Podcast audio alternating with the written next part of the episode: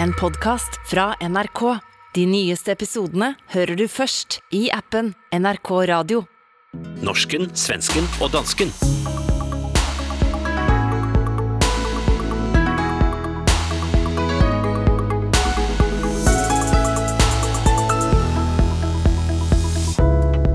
Er det greit at købe sig frem i køen på Arlanda, men ikke i fornøjelsesparken Tusenfryd? Går det skandinaviske flaggskibet SAS under? Og kan vi stole på elitene?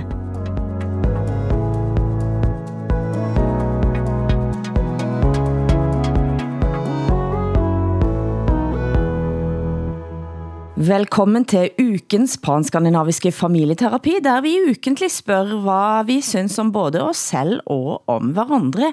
Og på sofaen som vanlig svenske Åsa Linderborg, danske Hassan Preisler og mig, Hilde Sandvik. Og siden vi nu er inde i dette rummet for at dele, hvordan har dere haft det siden sist, eh, Hassan? Går det bra med dig? Ja, det synes jeg. Altså, som I ved, så har der jo været en folkeafstemning i Danmark. Øh, vi skulle stemme ja eller nej til ophævelsen af et af de fire forbehold, vi har i Danmark. Øh, det var forsvarsforbeholdet øh, mm. denne gang, og, øh, og resultatet var et, øh, et, et, et, altså et kæmpestort, øh, markant, utvetydigt ja. Så, øh, mm. så et af de fire danske forbehold er nu efter afstemningen blevet ophævet. Jeg stemte nej. Du gjorde det, ja? Ja, så jeg tabte. Ja. Ja. Ja, dette drejer sig altså om en afstemning i Danmark på onsdag, der en skulle stemme om Danmark skal være med i EU's forsvarssamarbejde. Men hvorfor stemte du nej, Hassan? Jamen, det kan, altså hvis jeg, jeg kan godt svare øh, politisk på det, men jeg kan også svare helt ærligt. Øh, mm. da, jeg, da jeg stod i stemmeboksen øh, øh, den dag, hvor afstemningen fandt sted, så vidste jeg med 100% sikkerhed, at det ville blive et ja. Øhm, mm. og, jeg, og, jeg, og jeg synes, det var så kedeligt at sætte det kryds øh, som et får, som bliver mm. ført øh, til slagtebænken øh, i flok. Så jeg, jeg satte et nej, øh, selvom det, det måske nok ikke er det, jeg ville have gjort, hvis der havde været øh, en, øh, en reel øh, chance for, at det blev et, et nej, eller risiko, om man vil. Det er jo interessant psykologisk eh, effekt. Det er jo muligt, vi skal snakke om det senere i dag, men har du det ellers bra da? Det må jeg jo altid spørge om. Hvordan Ja. har du det? Nå, personligt, jeg, jeg har det godt. Jeg har været til øjenlægen og fået tjekket mine øjne, fordi jeg troede, jeg var ved at blive blind. Men der er, ingen, der er ingen indikationer på, at der er noget som helst galt. Så det har været endnu en uh, psykosomatisk uh, proces, jeg har gennemgået, som har ført til, at jeg uh, tænkte, at jeg lige om lidt skulle dø. Ja. Og du da også? Eh, Jag blev så himla nyfiken på det här med Hassan i valbåset där. Eh, Jag skulle gärna prata mer om det. Eh, Jag har Ja. travelt, som ni säger. Jag arbetar mycket. Jag är lite hemlig med vad jag arbetar med just nu, så jag kan inte berätta så mycket om det. Men, eh, Ja, for du blev altså brettet ut i A-magasinet i Norge også, Aftenpostens magasin, og hvordan kändes egentlig det? Ja, men varje gång som jag är med i en sån här stor intervju så känner jag ju någon form av självhat efteråt. Att jag tar som plats och att jag är så ointressant. Och varför gör jag det här? Och varför svarade jag sådär? Och jag mår ju väldigt dåligt efter varje intervju. Jag kan ångra en intervju i, i åratal eh, faktiskt. Ehm, så, men det var ju en väldigt hygglig fyr som var hemma här och gjorde den där intervjun, så jag ska inte klaga på honom. Kender du jo så godt, eh, tror jeg, etter hvert Åsa, at jeg læste det intervjuet, så havde jeg Åsa stemmen i hovedet. Men så tænkte jeg, så hemmelig så du er med, med det, som du holder på med for tiden, det er jo noget med at bygge op den, den spændingen da. Du må love, at når du kan snakke om det, så skal du snakke først om det til oss. Ja, det hoppas jag verkligen att det kommer att bli så.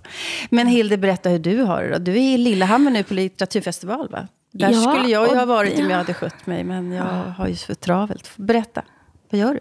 Nej, det er, det er, jeg kom her i går eh, og, og, og, og nu har det altså været en eh, et stor anden festival her på Lillehammer før litteraturfestivalen, en ytringsfrihedskonference, som jeg nå har eh, etableret, og, som skal bli en slags eh, World Express Forum, eh, VEXFO eh, kalles de. Eh, og da jeg kom her i går, så surrer det masse rundt eh, i gatene om at Nobelprisvinder Maria Reza havde gått i strupen på tidligere eh, danske statsministeren Helle Thorning-Schmidt og sagt at hun whitewasher Facebook blandt andet, for hele Torning Smith sitter i denne, denne opnævnte gruppen, som skal ta imod klager på, på Facebook. Og det var vist nok, eh, det var ganske intenst. Eh, men så slog det mig også, mens jeg gik rundt her i gatene, at eh, det er så mange spørgsmål etter hvert, der vi faktisk rykker ikke så mye nærmere på hverandre, også her i Norden. Eh, eh blandt andet så er det sådan at eh, Bjørnson-prisvinderen, som alltid deles ut her eh, på Lillehammer, eh, er den grønlandske eh, Nivjak Corneliusen, som holdt vist nok en helt fantastisk eh, Bjørnson-tale. Elin Anna Labba, den samiske journalisten og forfatteren for Sverige, havde en stærk folketal om den svenske regeringsbeslutning om at bygge gruve i Gallok. Eh, så på en måte så er det som at alle de her store samtalene nå som pågår i, i Skandinavia, de rykker også ind på festivalene. Jeg, jeg kan ikke huske at det har været så mye av det før. Jeg tror og håber at det siger nogen ting om stemningen også. Hvad Ja. tror dere om det? Det gör det ju säkert, men jag, jag har varit på litteraturfestivalen eh, och i Lillehammer många gånger. Och, eh, alltid när jag kommer där så känns det att jag kommer nästan till en, in, vad ska jag säga, en, en vilsam liten litterär livmoder ungefär. Att det är lugnt och det är stilla och det är harmoniskt och det finns inga konflikter och det är inget brännbart. Och det är väldigt skönt. Men nu har alltså de här konflikterna kommit in i Lillehammer också. Och det, det är naturligtvis tidens tecken. Det är säkert viktigt Ja. att det blir så också. Jeg kunne forestille mig, at arrangørerne af den her litteraturfestival ikke vil synes, at det er helt fantastisk at blive sammenlignet med en livmor, hvor der ikke, hvor der ikke sker noget farligt, og alt er trygt og stille. Men, men jeg synes, Men at hvad ville det... du have været uten livmoren da, Hassan? Ja, det skulle jag också vilja veta, Hassan. Ja, jamen det er rigtigt. Så, så havde jeg jo ikke været her. Så, Nej. Øh, så ville der være rigtig mange øh, danske lyttere, som ville være meget gladere, øh, som ville, ville føle, at deres nation blev bedre repræsenteret. Øh, jeg er sikker på, at der er mange mennesker, som tænker, at jeg burde have været for uden en livmor. Øh, men men Jeg noget, takker mor Preisler eh, i øjeblikket. Ja, jag. Send en hilsen til mor. Det skal jeg gøre. Hun er i Frankrig for tiden. Ja. Men, men noget andet er... Øhm, Helle thorning Schmidt var gæst i Mette Frederiksens, vores nuværende statsministers podcast i denne uge. Ja, Mette Fredriksen har altså lanceret sin egen podcast, Statsministerens Børger, og inviterte sin tidligere statsminister, Helle Thorning-Schmidt. Og det er ikke akkurat en hemmelighed, at de ikke har været bedste venner. Så vi to skal snakke sammen i dag i uh, den her podcast. Jeg synes også, vi skal ture gå ind i et rum, hvor vi spørger hinanden, om du gjorde nok, da du var statsminister, mm. og om jeg gør nok Ja. som statsminister Ja, okay. uh, i, uh, i dag. Altså tur være ærlig Okay. omkring noget af det, ikke? Ja, fedt. Øh, og det var vi mange, der, der havde set frem til, fordi vi ved jo, at de to ikke har haft det bedste forhold gennem årene. Øh, Da Helle thorning Schmidt udkom med sin øh, bog øh, om sin tid som, øh, som statsminister, så beskrev hun også, hvor, hvor besværligt deres forhold havde været. Ikke? Hun skrev, mm. at det er velkendt, at Mette Frederiksen ikke altid var enig i hverken min politiske linje eller min måde at håndtere tingene på, og at hun øh, også decideret modarbejdede mig. Ikke? Mm. Og Mette Frederiksen var jo minister øh, under øh, statsminister Helle Thorning-Schmidt. Øh, så, så vi havde jo set frem til en, hvad kan man sige, åbenhjertig, ærlig samtale om de konflikter, der havde været mellem øh, de, de to personer i den tid, og hvordan de ligesom kom til at påvirke arbejdet for øh, ligestilling i, i Danmark. Men det blev, altså, det blev endnu et afsnit, som var sniksnakket, ikke? Øh, som var øh, øh, øh, lige så ufarligt som øh, litteraturfestivalen i Lillehammer, ifølge Åsa. Ikke? Altså, Mette Frederiksen har konstrueret en podcast, som bedst kan beskrives som en livmor. Det, og igen, hvad var det vi sa om livmoren? Ja, at det, at det er godt, den er der, men, men altså, prøv, mener I det? Det er mener I muligt. det, Du I skal, siger? før, før, før vi, før vi du, du kan tænke på en anden metafor i løbet av dagen, for jeg er helt sikker på at vi kommer tilbage til Mette Fredriksen i løbet av sendingen. Så kan du prøve at tænke på en anden metafor end livmor. For uden livmor, så kan man faktisk, i- altså det går ikke an at overleve her sådan. Så du, kan- du, kan tænke, du kan tænke på, om der er et andet bilde. Okay, Men- men, men, det, det vil jeg gerne give dig, det, eller give jer, det har I fuldstændig ret i. Men lad os lige slå en ting fast. Hvis man bliver i livmoren i mere end cirka 9 måneder, så har man Så et er det lidt problem. dumt. Ikke? Ja, det er- det er så, lidt stress. Så hvis man ligesom øh, forbliver inde i livmoren, indtil man er et godt stykke oppe i voksenalderen, så, så vil alting blive meget problematisk og underligt. Ikke? Det vil jeg faktisk være helt enig med dig i. I Sverige også, så snakker en fremdeles ikke om så mye andet end NATO. Eh, og hvordan går de diskussionerne nu? Ja, men, eh, alla har väl hängt med på det här att eh, så snart Sverige och Finland hade skickat in sina NATO-ansökningar så, eh, så säger Erdogan app, app, app, app, app. Eh, de är inte välkomna.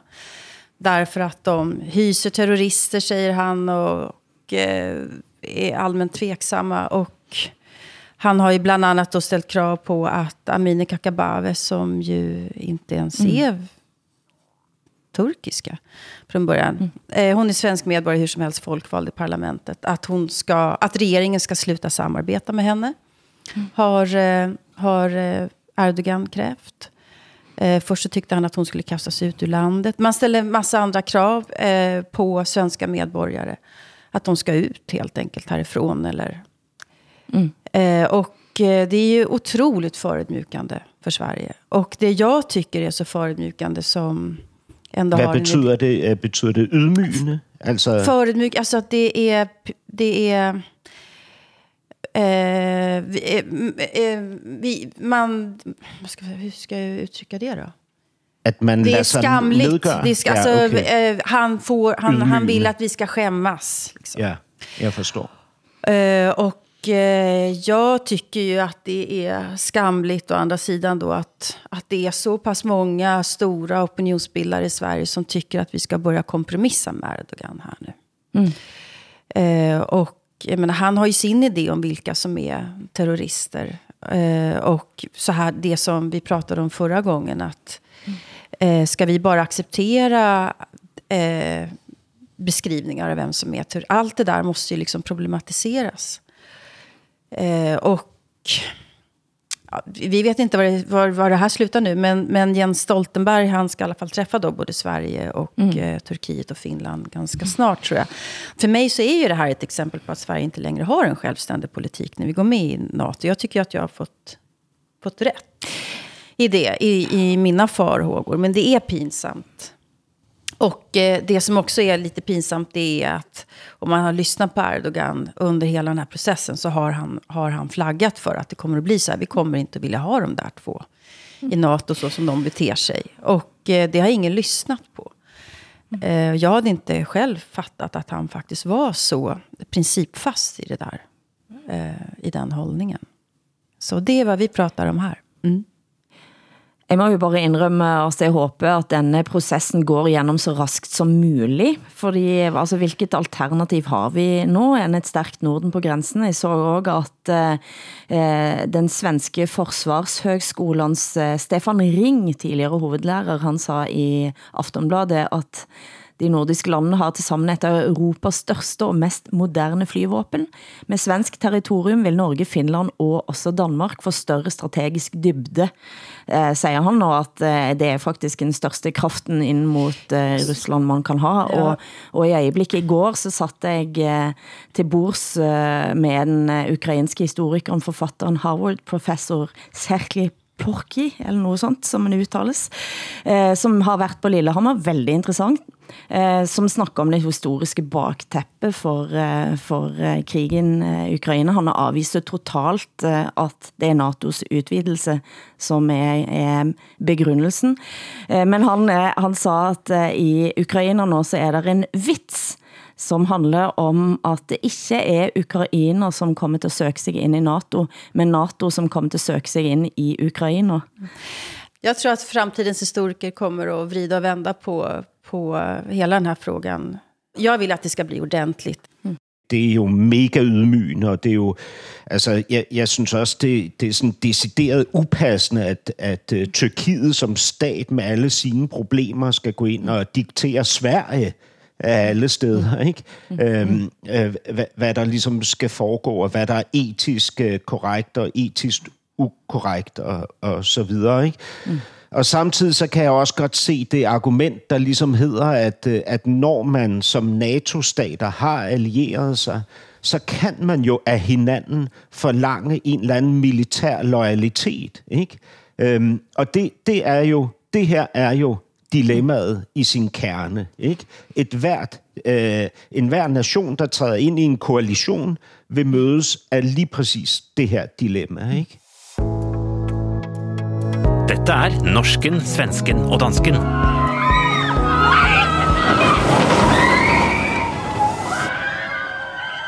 Da kan vi gå ret over til Norge. Der, som første fornøjelsespark eh, i Norge, så sa fornøjelsesparken Tusenfryd, at de havde begyndt at sælge dyre ekspresspass. De ordinære billettene koster 500, men med 300 kroner på toppen, så kunne du og barna dine suse forbi køen. Men det fik altså kommentator i tastatur til at gå varmt i Norge. Dette er pinad og unorsk, skrev for eksempel VG's Hans Petter Sjøli under titlen Fast Track til forskjellssamfundet. Efter to dagers motvind så snudde parken. Vi er veldig overrasket over reaktionerne. Vi ville at dette skulle være et fint tilbud til nogen få av våre kunder, sa Erik Røne Andersen, markedschef i Tusenfryd til NRK, som da havde lyttet til folk og droppet på denne ordningen. Eh, hvad tænker dere? Selv kulturministeren meldte sig herind. Eh, Annette Tretbergstuen sa til NRK, som mor og politiker, så synes jeg dette er umusikalsk, at parken skal lage et A- og B-lag for barna våre, baseret på hvem som har betalt penger for det.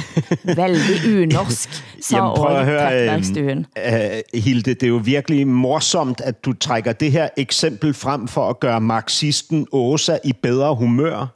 Altså, Nej, jag kan säga. Jag kan vara helt ärlig. Alltså, om det gick att betala sig förbi sådana där köer på ett nöjesfält, då hade jag gjort det. Jag hatar att stå den där Jag har varit på Disneyland med mina ungar. Man fick vänta mellan 50 minuter och en timme på att åka någonting i två minuter. Eh, det kan jag ärligt säga. Jag, hade, jag, hade, jag tycker det är fel, men jag hade betalat i alla fall. Nå, det Men er, hvad, det hvad tænker dere om opstanden i Norge? Det blev jo, en, det blev jo altså en, næsten krig. Nej, men jag älskar Norge för att ni har en sån här diskussion. Eftersom man kan betala sig förbi allting nu. Man kan köpa sig till sjukvård före alla andra och så vidare. I alla fall i Sverige. Alltså, så får det i alla fall finnas en plats där man inte får göra så här. Och det är där barnen ser liksom hur tydligt det kan bli med, med ojämlikhet. Det vet de ju ändå. Men ja, ja, okay. Altså, det, vi har det samme øh, fænomen i Legoland øh, i Danmark, og har haft det i mange år. fy fan, där har altså, också varit. Gud. Ja, der, der er, Åh, det, det er svært at være i Legoland, hvis man ikke har købt sådan et eksklusiv pas, ikke, oh. som giver en adgang udenom køen. Altså, det er mega dyrt at, øh, at købe sig til øh, køfrihed. Ikke? Øh, det koster 750-750 danske kroner ikke? at gå 150, udenom køen. Det, hvad bliver det? Næsten 1300 svenske Ja, sådan noget. Eller over, over 1000 uh, svenske og norske ja, kroner. Ikke? Det, mm. det, det, det er jo, mm. og, og det er jo et, i tillæg til den, uh, til den ordinære pris. Ikke? Så det er mm, jo... Okay. Og så skal man også spise pap, hvad hedder det, papkylling og, og pappomfritter og, og så videre, mens man er der. Ikke? Så det er, det er en, det er en meget, meget dyr øh, oplevelse. Jeg har det præcis som du har det, Åsa. Jeg vil betale mig ud af den lidelse, øh, det er Men, at stå, jag stå i på, de där Ja, jag lyssnade på Filip och Fredriks podd, de största poddarna i Sverige tror jag, jätte, jättestora. De hade just den här diskussionen. För att, yeah. för att Filip hade betalat 50 000 kronor för att, Hä? för att gå förbi sina unga. Att gå förbi med sina ungar på Disneyland. 50 000? Det var 5, 5 000 dollar. Åh, oh, herlighet. Det är ju och så hade han skickat ett sms till, till sin tjej när hon stod där i kön. För att de ville inte prata högt så att barnen skulle höra det. Så ska vi göra det här? Det är ändå ganska mycket pengar. och så hade han råkat skicka det smset fel. Så han hade skickat det till Fredrik. Så Fredrik hade läst det. Du skickade ett sms till mig som jag tror att du skickade fel, som du skulle skicka till Agnes, där du diskuterade detta. Som jag fick, Men... där det står... Aha. Det, det, stämmer då inte det du säger, det du nu har berättat för lyssnarna här. Det jo, stämmer ja. inte. För det du skriver till Ant Jag ser framför mig att du och Agnes står bredvid varandra. Barnen är där så ni kan inte prata högt så ni mässar varandra istället. men jag betalar, jag står ju för att jag pröjsade det här. Det var inte... Ja, fast i mässet du skickar till henne så står det så här. Det kostar 25 000. Kan vi göra detta? Och därför kom det ut i podden. Nej, men det... Prøv, Så mycket nej, pengar det, skulle inte jag betala ändå. Men prøv at høre, det er jo også, det, det, det er jo også et, et besynderligt, øhm, altså det er jo en besynderlig opgørelse det her, fordi vi prøver at skåne vores børn mod den virkelighed, som er derude, ikke? Og dengang, da, da det her, de her processer i Legoland blev kritiseret, så var det med øh, den, den tidligere socialordfører Mathias Tesfaye i spidsen. Mm. Ikke? Mathias mm. Tesfaye er socialdemokrat og i dag øh, minister. Ikke? En, en meget prominent socialdemokrat. Ikke? Samtidig så er det jo sådan, at vi jo øh, i stor stil sender vores børn på privatskole. Os, der har pengene til det. Ikke? Mm. Blandt andre Mette Frederiksen, som jo ellers talte dunder mod mennesker, der satte deres øh, øh, børn på privatskole. Ikke? Hun udtalte, det nytter simpelthen ikke, at forældre med overskudsbørn sender deres børn i privatskole, så snart der er problemer i folkeskolen. Alle har et ansvar for, at folkeskolen fungerer, skrev hun i et, i et forsvar for folkeskolen. Ikke? Et par år senere fik hendes datter problemer i folkeskolen. Et par år senere hendes søn, og hun flyttede dem begge to over i privatskolen og udtalte efterfølgende, hør nu her, mine børn kommer i første række, og så må jeg tage de politiske tæsk sagde hun mm. så øh, efterfølgende. Ikke? Og, og jeg forstår hende. Jeg gør jo også sådan. Mm. Ikke? Jeg synes måske bare, at vi skal være varsomme med kritikken. Øhm, Især hvis vi ikke selv kan leve op til det. Fordi du så kanske bliver de det skal jo... sluta prata om skolans problem då så fall.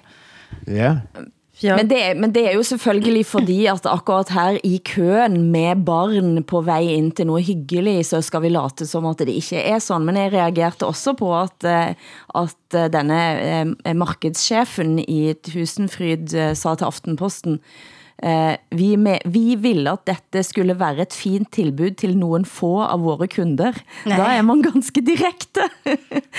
men, men så kommer også Silje Omdal fra Fremskrittspartiet ut på banen eh, og sa at hun har aldrig hørt noget fra kulturministeren om ulik pris på teaterbilletter eller andre differentierte billetter på kulturarrangementer.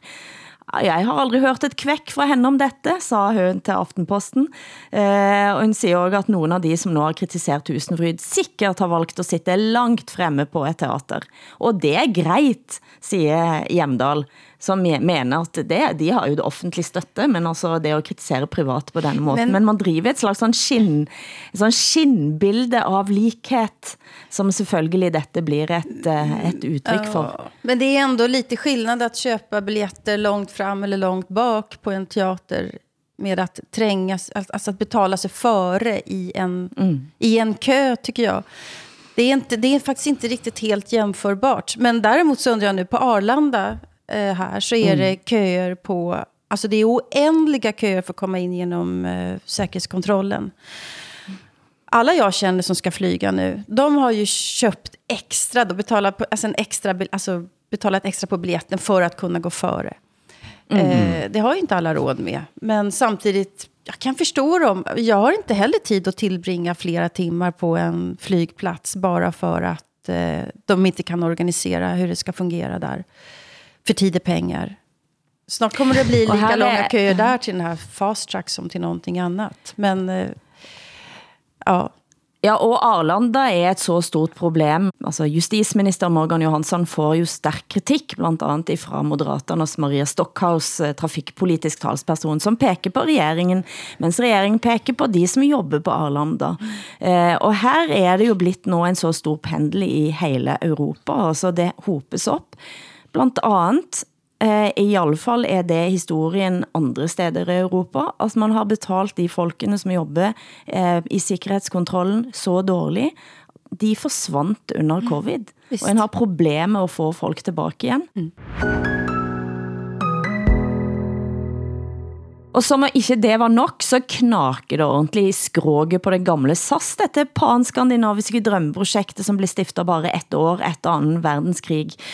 1946 eh, kom SAS til, eh, danske luftfartsselskab og det norske luftfartsselskab og det svenske interkontinental lufttrafik. Og dette har jo været et slags eh, eh et, et, et stolt skandinavisk projekt, som nå etter hvert begynder at bli ganske så ja, utsatt, kan man sige yeah. de sliter kraftigt, eh, Hassan, og nå er det jo sådan, at både svenskene og, og nordmændene har jo solgt sig ut og, og bort, og, og danskene sitter igen og kaster upp eh, denne gigantiske maskinen eh, i København, må jo være ganske urolig, rett og slett. Ja, altså, jamen, men det er jo, øh, så vidt jeg har forstået, så er det både den danske og den svenske stat, som har mm. stor økonomisk andel i, i mm. SAS, ikke? Og, og som også har øh, en masse penge parkeret i SAS, fordi SAS skylder staterne ikke? mange ja. milliarder. Mm.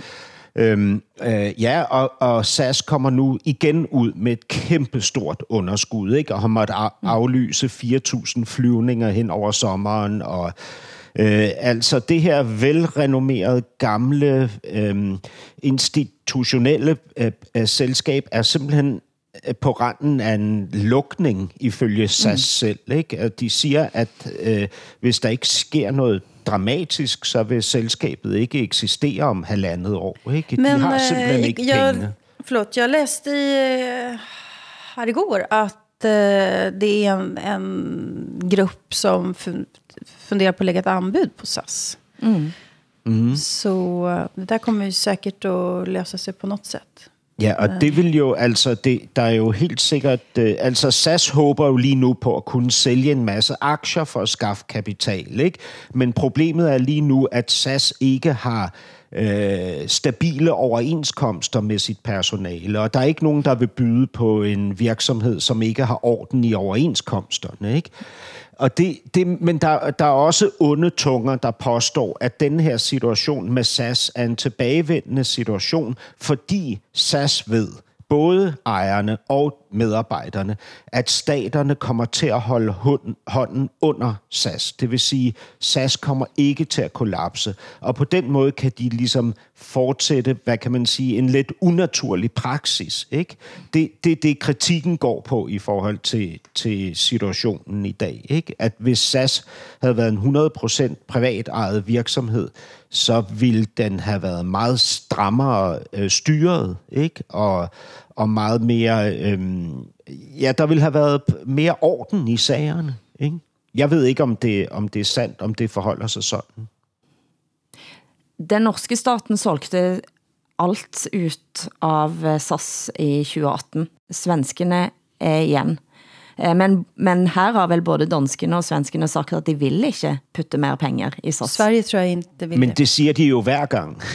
Ja. Altså, så vi, vi ved jo ikke, øh, altså, fordi som du siger, så vil det jo for Dan, Danmark og for Kastrup, altså for mm. Nordens største lufthavn, vil det jo være en katastrofe. Altså en decideret katastrofe, altså, hvis Kastrup- SAS lukkede, ikke? Flyget kommer, vi kommer fortsätta flyga. Eh, och Ja, men- men Kastrup, Kastrup kommer fortfarande vara en jättestor hubb. Jo, Det er men- et poeng her, eh, Åsa, det er at SAS har lagt alle interkontinentale flygninger gennem Kastrup, selv om det er helt irrationelt. Ja. Så Jo, i jo, stedet men- for at fly til, fra Norge til USA, så flyr vi altså Norge til eh, Köpenhamn. Danmark, og så Ja. til USA. Jo, men det är riktigt. Jag har också Og, gjort det, og i det det, er- i det ligger der en kæmpe stor Ej, indtægt det er og, en, og en hel masse arbejdspladser. Ikke? Mm. Eh, Har der nogle følelser med om hvorvidt SAS skulle gå dukken eller ikke? Jeg er- En gang altså, til, Hilde. hva- Hvad? Hvad, hvad føler du? Hvad, altså, er, har der nogle følelser knyttet til SAS? Jag har det. Eh, Jag, jag tycker om att resa med SAS. Och jag är lite nostalgisk och lite så här. Jag tänker det, man vill att allting ska finnas kvar som det alltid har funnits. Vi har en skoaffär nere på gatan här som har funnits jämt. Jag har aldrig handlat några skor där. Nu ska den stänga och jag blir jätteledsen. För jag vill att den ska ligga kvar. Och så, det, samma känsla har jag för SAS. Altså, jeg, jeg øh, har det på samme måde som Åsa. Altså, SAS er noget, der altid har været der. Mm. Min, min mormor og morfar fløj med SAS. Ikke? Jeg, mm. jeg, altså, jeg elsker øh, at, at flyve med SAS, fordi øh, personalet ikke er... Øh, de er ikke teenager. Det er ikke, det er ikke ungdommen, de har sat til at, øh, at servicere os. Øh, Det er, det er erfarne mennesker, ikke? Med... Øh, ja, så, så det, det, det vil være smerteligt, ligesom at, at, øh, at, at SAS lukker. Det, det, SAS er på en måde øh, for mig en, øh, en livmor. Vi snakker jo om det. Hvem stoler man på? Eh, forrige uke var Mette Fredriksens podcast et tema. Det har det allerede været i dag. Jeg regner med at vi kan få ukentlige opdateringer ved de nye gæstene til Mette Fredriksen i, i podcasten Statsministeren spørger. Men jeg har tænkt mye på det du sa etterpå, Hassan. Eh, det eneste du tænkte på under lytting, sa du, var at du blev manipuleret eh, av at høre på podden. Alltså jag tror vi måste förklara en gång till för svenska lyssnare som, eh, som inte lyssnade på förra avsnittet faktiskt. Mette Fredriksen har alltså en egen podd där hon bjuder in gäster och där hon sitter och de pratar om, inte dagspolitiska frågor väl, utan mer existentiella, filosofiska, ideologiska frågor. Är det inte så? Jo, begge, Ja. ja. begge dele, men ja. Ja, bara, bara så att alla, alla hänger med. Mm. Okej. Mm. Ja, og, og, og, og, og vi diskuterte det første afsnittet, så var med Rune Lykkeberg, chefsredaktør i Dagbladet Information, eh, som eh, du og mig også egentlig synes var, var interessant eh, på nogle måter, men Hassan følte sig kun manipuleret. Og denne uken så er det flere saker, som har fået testet tilliten din, eh, Hassan, eh, til eh, magten. Kan du give nogle eksempler? Ja, det kan jeg godt. Altså, der er nu kommet øhm, de første øh, høringsbreve er blevet sendt ud af den minkkommission, som er blevet nedsat for at undersøge forløbet omkring slagtningen af øh, hele den danske minkbestand under øh, covid-19-krisen. Øh, det, der er jo en, foregået en masse sære ting, som vi ikke kan finde ud af, øh, og derfor er der blevet nedsat en kommission, som skal undersøge alting. Ikke? Nu er de første høringsbreve blevet sendt ud til de, som vil få kritik af kommissionen, og de er blandt andet blevet sendt ud til Mette Frederiksen og hendes departementchef Barbara Bertelsen. På den måde så ved vi, at der kommer til at være en kritik af også statsministeriet i relation til det, der foregik dengang. Statsministeriet har jo skudt skylden over på øh, Fødevareministeriet, og den daværende fødevareminister måtte også forlade sin post som minister på grund af denne sag. Ikke? Øhm, nu har statsministeriet noget tid til at besvare disse øh, breve, og, øh, og så vil der så komme en endelig beretning fra kommissionen i juni, i, altså i indeværende måned. Øh, og det ser jeg rigtig meget frem til, øh, at, mm. at læse, hvad der egentlig foregik, og jeg håber, at vi får noget afklaring, fordi der er mm. så mange sager i Danmark lige nu, som er øh, uafklaret, som ligesom foregår øh, neden under overfladen. Og det er ikke sundt for sådan en som mig, fordi jeg bliver simpelthen paranoid af, at der er øh, så mange øh, fortællinger om en alternativ virkelighed til den, der bliver mm. præsenteret. Ikke? Mm. Øh, jeg, jeg, jeg synes, det, det er en skræmmende, øh, øh, hvad kan man sige, udvikling. Og det var det, jeg tænkte lidt på. Eh, altså, hvordan forholder vi os til makten? For en ting er Mink-kommissionssaken, og så har vi den såkaldte dukkesaken om, eh, eh, om de som hører på i, i Skandinavia. Husker det, så var det tilbage i covid-perioden en stor demonstration mot den danske regering.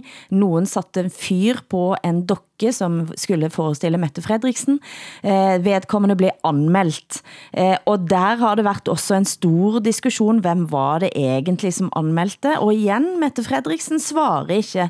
Og derfor så kommer også denne, denne mistanken om at var det, var det statsministeren selv som anmeldte. Og der er flere den type saker. Og, og, og, og jeg hører jo på det, du siger uh, uke efter uke. Og det er jo ikke kun...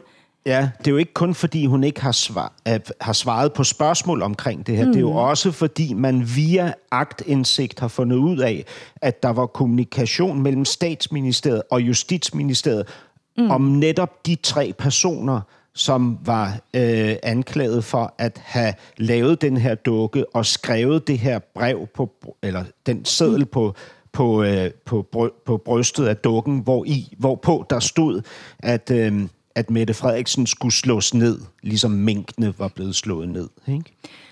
Men denne her skjule elitene noe, altså det ligger jo på mange måter under i mange av de diskussionerne, som, som vi har haft. Altså, hvad, hvad, hvad er det de egentlig holder på med? Eh, siger hun det, som er sant? Eh, blir vi manipuleret? Og det er jo på mange måter tidens melodi, er det ikke det? Jo. Åsa, hvad tænker du? Er Hassan paranoid, eller er han inne på noget? Mm, nej, alltså jag, jag... Framförallt så är jag ju så fascinerad över Danmark. Att mm. eh, det är såna allvarliga anklagelser som hela tiden riktas mot Mette Fredriksen som kan ha att göra med att hon inte pratar sant eller den här för mig helt horribla saken att hon eh, ska ha hotat en en chefredaktör för en, en tidning, en, en artikel som inte har publicerats, så hotar hon med att det där, det där kan bli en polissak om det publiceras. Mm. Alltså hon, hon gör uttalanden hela tiden. Vi har hållit på och pratat om Mette Fredriksen två år här nu. Och hon mm. gör saker som en svensk statsminister, kan säga en norsk, inte heller någonsin skulle kunna göra. Och hon klarar sig varje gång. Hon mm. är ett fenomen faktiskt. Eh, jag vet inte om det var svar på frågan, Hilde, men det är klart att vi sitter, det finns eliter där vi sitter i våra bubblor. Eh, så är det. Sen så kan ju... Jag till, vi tillhör själva eh, liksom, det establishment på något sätt, alla vi tre. Mm. Någonstans i utkanten i alla fall. Sen kan, kan tilliten mellan, inom oss också brista. Eh, mm.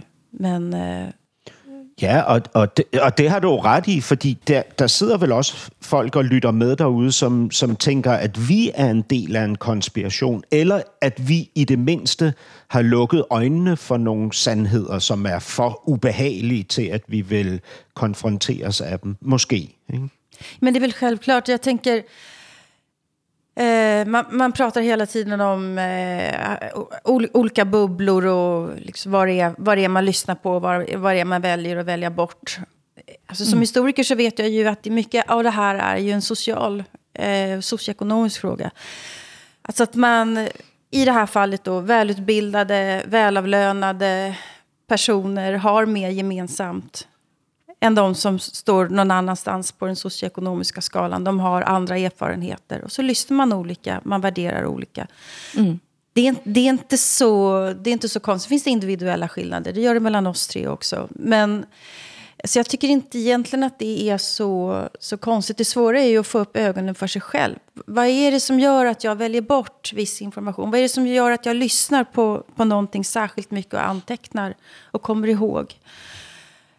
Det, det, är så, mm. det är så otroligt provocerande den här idén om att det är som eh, kultureliten, eliten, establishment håller på med. Nämligen att det är alla andra som är, som är lurade, begränsade, eh, oförmögna att eh, tänka komplext och så vidare. De är oinformerade.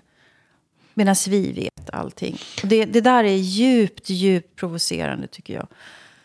Det var en eh, større sak i information for et par år siden. Det største ekokammer er eliten, som netop handler om eh, i hvor stor grad eliten sitter og i sin eget eh, kammer og, og, og, og ser ned på, på resten av folket, som du snakker om også. Men det som var det interessante der, var blandt andet, at det var gjort en undersøgelse, der blandt andet Danmark var med, med spørgsmålet tror man at eliten skjuler noget.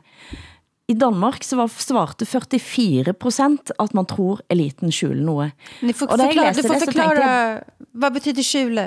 Du får forklare. Eh, en skjule, eh, hvad betyder? Dølger. Dølger. Mm. Man, dølger, mm. ja.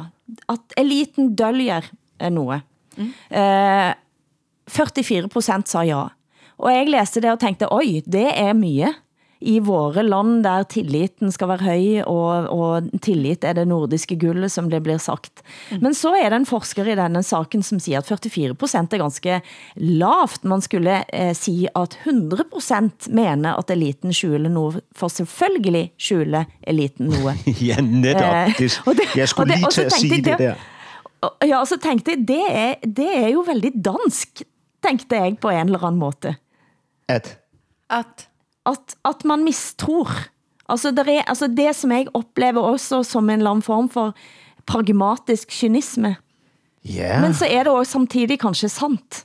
Ja, naturligvis er det sandt. Prøv at høre, den her sag, der lige nu udspiller sig øh, i relation til den tidligere efterretningschef Lars Finsen, som jo mm. på en eller anden måde har haft et eller andet øh, opgør med, med, med, ifølge mange påstande med den siddende regering. Ikke? Han, mm. han risikerer nu, ifølge øh, den tidligere PET-chef Jakob Scharf, så risikerer han at, at, at blive dømt efter et hemmeligt anklageskrift i en hemmelig retssag, og slutligt og måske med en hemmelig dom, som han ikke engang må fortælle om.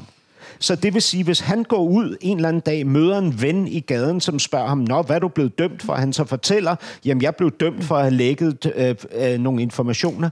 Så begår han en ulovlighed, og vi får aldrig at vide, hvad der foregik. Dette er Norsken, Svensken og Dansken.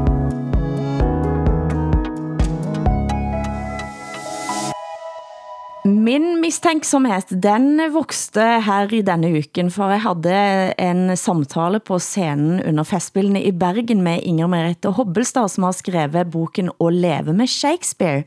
Og vi skulle altså eh, læse Shakespeare op mot eh, hvad som sker i den politiske verden i øjeblikket. Og så begyndte vi at snakke om den norske statsministeren Jonas Gahr Støre. Eh, eh, og, og jeg spurgte Inger Merete, hvem, hvem er det i dette menageriet til Shakespeare Shakespeare, eh, som, eh, stø, som vi, hvor kan vi placere Støre? Men så sa hun, eh, og det var her min fantasi selvfølgelig begyndte at spinne. Hun sa, hun havde mødt Jonas Gahr Støre en gang, som havde sagt, at han var enormt optaget av Macbeth og søvnløshed. Eh, og hvis man eh, kan eh, noenlunde et riss av Macbeth, så er jo det denne mannen, som får et syn av at han skal egentlig bli konge, eh, og eh, må da dræbe den nåværende kongen Duncan.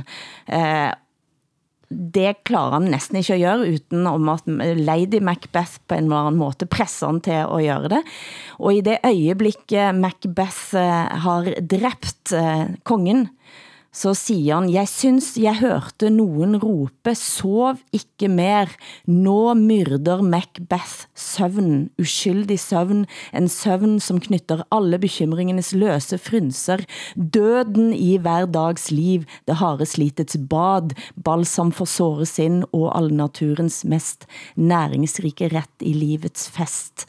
Han har myrdet søvnen, og når jeg hørte at Jonas Gahr Støre er optaget av Macbeths søvnløshet, så begyndte jeg selvfølgelig at spinne, hvad er det? Eh, Støre selv ligger søvnløs, overfor, eh, har han myrdet søvnen? Hvad er det slags saker som surrer rundt? Men der er altså ganske mange av oss som er søvnløse. Um, en tredjedel av dansker siger, at de faktisk sliter med at sove, og man kan lure på, hvor man spænder rundt med. Hvad tænker du, Hassan? Øh, jeg, øh, jeg tilhører den tredjedel. Altså, jeg, jeg ligger søvnløs hver nat. Jeg har aldrig sovet godt. Øhm, ja, og det, det er jo, hvad hedder det, det er jo, det er jo om natten, at man øh, vurderer øh, sine omgivelser øh, i, i retrospektiv, øh, men især sig selv. Øh, og det er jo den der opdagelse af, hvem man i virkeligheden er, som foregår i nattetimerne, og det er ikke nogen behagelig op, opdagelse, i hvert fald ikke for mig. Øhm, at det er du og Macbeth. Du har det også som Macbeth, da. ja, ja, helt klart. Ja, ja, og jeg, øh, jeg slår jo også ihjel for at uh, opnå magt uh, og position, for at blive beundret og anerkendt. Det er der jo ikke nogen tvivl om. Uh, så, så jeg er helt med. Jag sitter här och tänker att eh, jag har också alltid haft svårt att sova. Det har jag haft eh, ända sedan jag var barn faktiskt, svårt att sova. Men jag tänker också vad otroligt privat ämne det är. Eh, sömnen, tycker jag. Alltså det är, jag känner att det här är jag vill inte prata om mina nätter med någon människa. Jag vill inte, inte berätta någonting som har att göra med det som sker i mitt sovrum. Då undrar jag, varför är det så... så jag känner så att det är lite skamligt att prata om sin, sina sömnproblem. Varför är mm. det det? Mm. Alltså det, det är konstigt att folk kan sova överhuvudtaget, tänker jag. Så som vi yeah.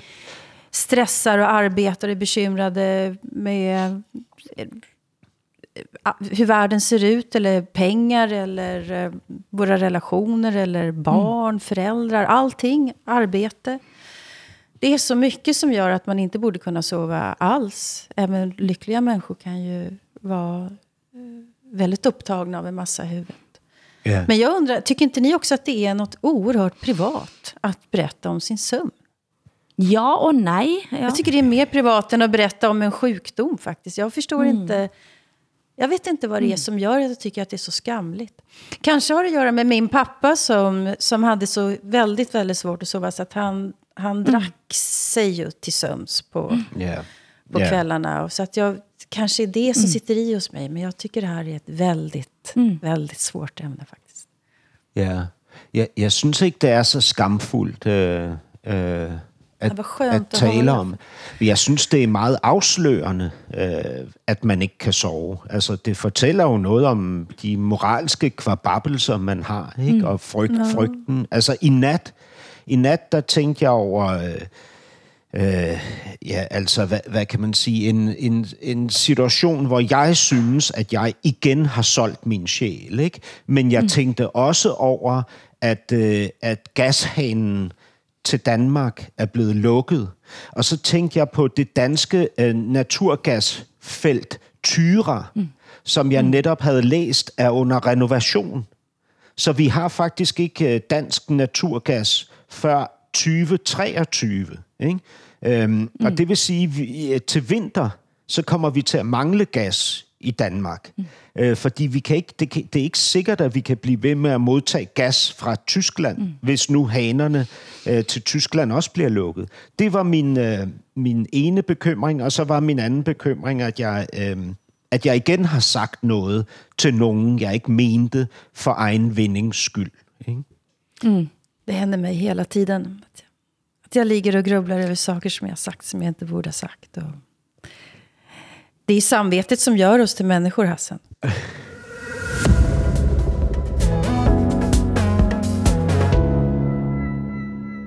Vi snakket begejstret om Ruben Østlunds film i forrige uke, uden at vite, at han kom til at blive den store vinderen i Cannes. Eh, det blev han altså også. Han vant med denne filmen, som var het nå en av titlen igen, og har jeg glemt den. Jeg klarer ikke at huske den.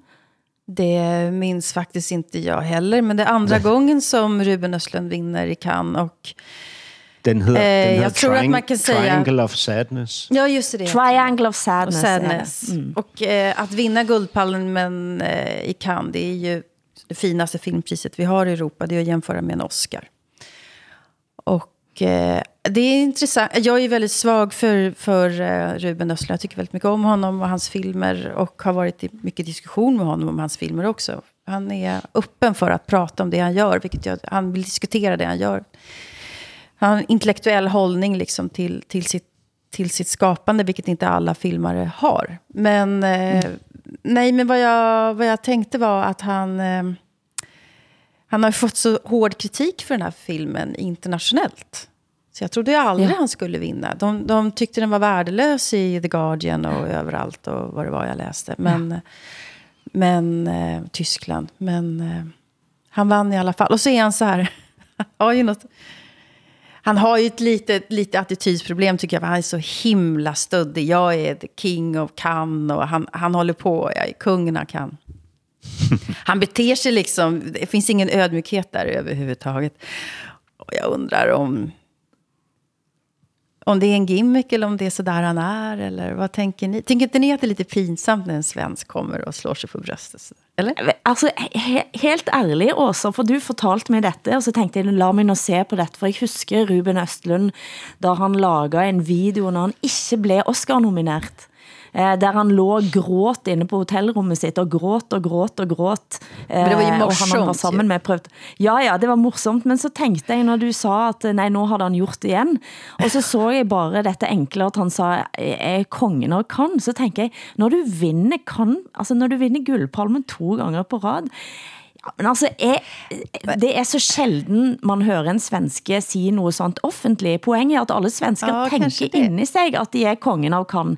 Eh, men de siger det ikke højt. Men grejen är att Ruben gick runt och sa det innan han fick sin andra guldpalm. Men han, det Ja, är men ju är lite är helt Zlatan-attityd över honom. Jag är störst och jag är bäst och så där. Och det, och det tycker vi, åh det är så osvenskt.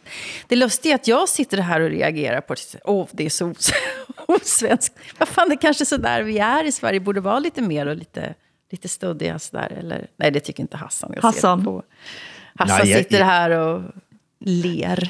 Nej, jeg, sy- jeg, synes, han, jeg, synes, han er fantastisk. Altså, Ja, og, det er han virkelig. Og jeg, jeg ser det, altså, det, det, at man laver, at man øh, oven på sine følelser konstruerer en figur, som bedre kan give udtryk for følelserne, det er jo, det er jo bare et Mm, det kunstnerisk greb, ikke? Fordi jeg er sikker på, at han føler sig forurettet, når han ikke vinder prisen. Og jeg er sikker på, at han føler sig som kongen af Cannes, når han vinder prisen, ikke? At han så... Øh, I ved, den danske forfatter Knud Romer er næsten blind, ikke? Han har jo skabt en figur, som har et bestemt kostyme på, og et blindearmbånd på armen, ikke? Som han så øh, ligesom bruger til at formidle sig selv på en ny måde i dag. Det betyder jo ikke, at han ikke reelt set er ved at blive blind. Vel? Øh, og det, det synes jeg er fantastisk. Og så elsker jeg den kritik, han har været ude med af danske film, ikke? hvor han siger, han siger, at danskerne simpelthen laver dårlige film. Ikke? Konventionelle, kedelige storytelling-film. Ikke? Og når han så bliver spurgt, jamen, hvordan tror du, uh, Susanne Bier og Thomas Winterberg vil, være, vil reagere på det? Så siger han, jeg er ligeglad med, hvordan de reagerer. De laver ikke så gode film, helt enkelt. Det er da fantastisk. altså, men jeg, det jeg, når du snakkede om Knut Romer nå, eh, Hassan, så så jeg for mig et indre bilde av dig, den gangen du sluttede i Radio 24-7 og skulle begynde i Vikenavisen. Og hvad var det, du gjorde da? Nå ja, ja, ja, ja, ja jeg lavede sådan en, en promotion-video, hvor jeg pakker mine ting ned i en kasse på Radio 24 og så går jeg ud af døren, ned ad, øh, med elevatoren, kommer ud af udgangen, går igennem København, går ind ad døren på weekendavisen, tager elevatoren op og sætter mig øh, ved mit bord med min kasse og pakker alting ud men jeg, jeg er nøgen hele vejen. Du er naken hela vägen när du Jag går inte- en arbetsplats till en annan. Jeg har ikke noget tøj på. Vad ville du säga med det där? Ja, at, at, jeg, bæ- at jeg bærer min, øh, hvad kan man sige, Din livmoder med stolthet. Nej. at, at, at, at jeg, jeg er stadig, som jeg kom ud af øh, livmoren. Av ikke? livmoderen? Øh, ja.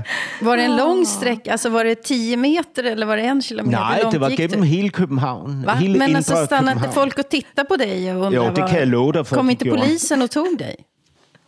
Politi? Kom inte de? Øh, Nej, nej, det gjorde de faktisk ikke. øh. Kändes det bra? Alltså hur, hur eh, kändes det? Kändes det helt normalt eller?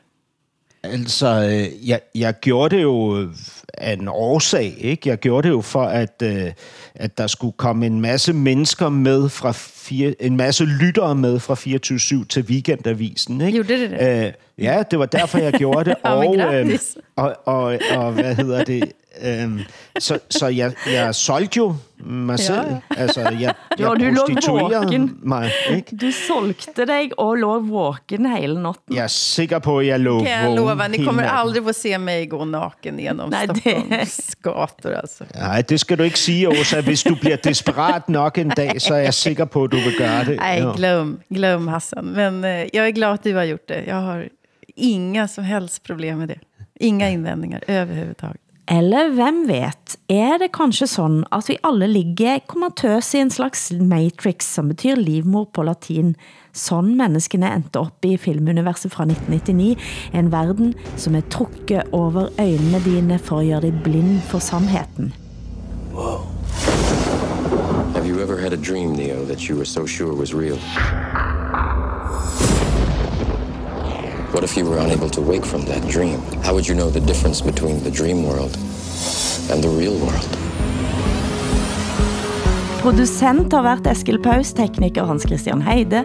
Tak til Hassan Preisler i København, Åsa Linderborg i Stockholm. Jeg heter Hilde Sandvik, er i dag på Lillehammer. Programmet er produceret av både og for NRK, SR og DR, der redaktør for programmet er Ole Jan Larsen. Og vi høres igen om en uke.